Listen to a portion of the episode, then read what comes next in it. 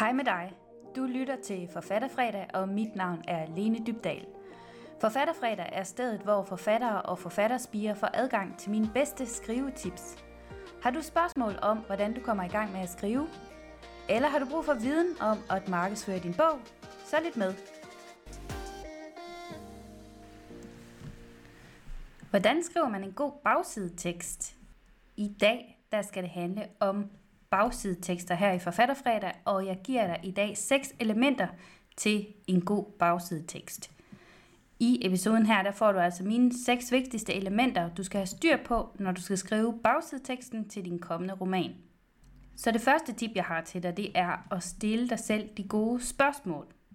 Når du skriver bagsideteksten, så er det vigtigt, at den fremstår skarp, så læseren ikke er i tvivl om, hvad der menes. Husk på, at læseren endnu ikke kender personerne i bogen, så der må ikke være tvivl om, hvem der er de gode og de onde i historien. Og det gælder faktisk også, selvom du skriver bagsideteksten til Ben 2, fordi du kan sagtens risikere, at en læser, som tager din bog ud af reolen, slet ikke kender dig eller serien. Og derfor så skal det være sådan, at man kan leve sig ind i historien, uden at man ved, hvem hovedpersonerne er. Så en nem måde at tjekke bagsideteksten på er at stille dig selv de her spørgsmål. Hvem gør hvad mod hvem? Og grund til at jeg stiller det spørgsmål, det er selvfølgelig for at identificere, hvem er aktiv i den her bog. Altså hvem er de aktive personer? Hvem er det, der gør hvad mod hvem? Det er sådan en måde at få stillet øh, og få fisket frem, hvem det er, der agerer i bogen. Det andet spørgsmål, du kan stille dig selv, det er, hvorfor skaber det konflikt? Hvis vi har lidt et indblik i, hvordan den her konflikt den opstår, eller hvorfor den er opstået, så bliver vi mere interesseret i at høre nærmere. Og endelig så har jeg det her spørgsmål, hvordan kommer hovedpersonen ind i billedet? Så hvis du stiller dig selv de her tre spørgsmål, hvem gør hvad mod hvem, hvorfor skaber det konflikt, og hvordan kommer hovedpersonen ind i billedet, så har vi sådan en overordnet god måde til at slå øh, situationen fast på. Tip nummer to, tage udgangspunkt i en scene eller en situation. Når vi skriver en bagsidetekst, så er det jo fuldstændig afgørende, at læseren selvfølgelig kan leve sig ind i bogen, men også at vi griber den, og at vi gør handlingen spændende. Hvis du har svært ved at skabe spænding i din bagsidetekst, fordi du så gerne vil inkludere en hel masse oplysninger, så kan du også gå en anden vej, og det er, at du kan bruge et uddrag af bogen i stedet for en decideret beskrivelse så skal du bare sørge for at vælge et sted, hvor man på kort plads får opridset en spændende situation.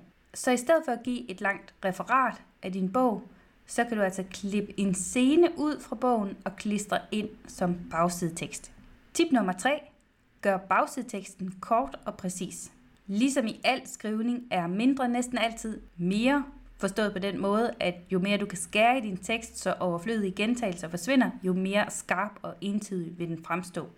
Og entydighed det er en god ting i en bagsidetekst, hvor læseren helst ikke skal være i tvivl om, hvad der menes. Rigtig mange forfattere de kan have svært ved at formulere på kort plads, hvad det er, deres bog handler om. Så det er altså også en øvelse i at være meget præcis og konkret, når du arbejder med din bagsidetekst. Husk på, at den, som skal læse bagsideteksten, skal gide at læse det hele. Så derfor så er det en god idé, hvis den ikke er alt for lang. Hvis det er en lang beskrivelse, så kan det være, at man hægter læseren af allerede inden de er blevet interesseret i bogen. Så hold det kort og præcist, så du får kommunikeret det vigtigste til læseren på kort plads. Tip nummer 4. Skift mellem korte og lange sætninger. Og det gælder selvfølgelig også, når man bare skriver almindeligt.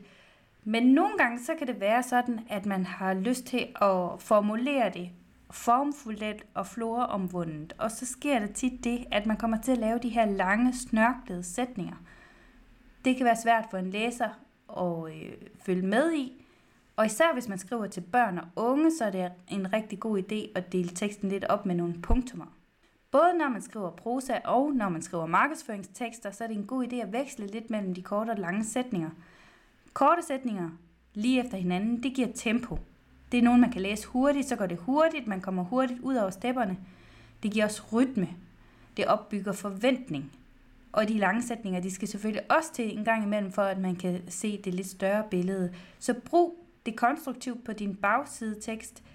Måske skulle jeg også lige slå fast, at din bagsidetekst ikke er et stykke fiktion, det er faktisk en markedsføringstekst. Og det vil altså sige, at udover at man skal sådan sælge ideen om, at øh, læseren skal gide at læse den her bog, så skal man jo egentlig også sælge ideen om, at læseren gider at købe bogen. Så øh, du kan næsten også allerede mærke det i mit ordvalg, når jeg siger sælge ideen om, så er vi over i markedsføringsafdelingen, fordi den her tekst, den skal altså opfordre øh, vores læser til en handling, som enten er at læse bogen eller at købe den. Mit femte tip, det er at opsummere genren. Fordi hvis forsiden ikke tydeligt nok markerer, hvilken genre vi er i, og her tænker jeg selvfølgelig mest på genrelitteratur og mest på romaner, som befinder sig inden for de her øh, mange forskellige genrer, så kan det være en rigtig god hjælp til læseren, at du lige deler, hvad er det for en genre, som du mener, den her øh, bog hører til i. Så det er altid godt at runde bagsiden af med et mere overordnet perspektiv, så modtageren ved, hvilken type bog, der er tale om. Er det en krimi, en thriller, er det en fantasy-roman, er det et eventyr, eller er det en young adult? Måske skal det ikke udpensles direkte, men det klæder bagsideteksten at træde et skridt tilbage og se bogen i en større sammenhæng. Mit sjette tip, det er at præsentere forfatteren med relevans for bogen. Hvis det er muligt, er det også en god idé at lave en kobling mellem forfatteren og bogens indhold. Er bogen blevet til, imens du var på ferie i Rom, og handler din bog for eksempel om gladiatorer, så brug disse informationer til at skabe et spændende, men kort forfatterportræt. Vil du selv i gang med at skrive en bog, så kan du få mine 10 nemme trin til at komme i gang med at skrive. Jeg har lavet en lille skriveguide til dig, som godt kunne tænke dig at komme i gang med at skrive fiktion, og øh, du finder den i beskrivelsen af podcasten her, og jeg har også et link til min hjemmeside, lindybdal.com skriveguide. Jeg håber, at du har kunne bruge mine seks tips til at lave en god bagsidetekst, og så vil jeg ønske dig en rigtig god skriveløst. Hej hej!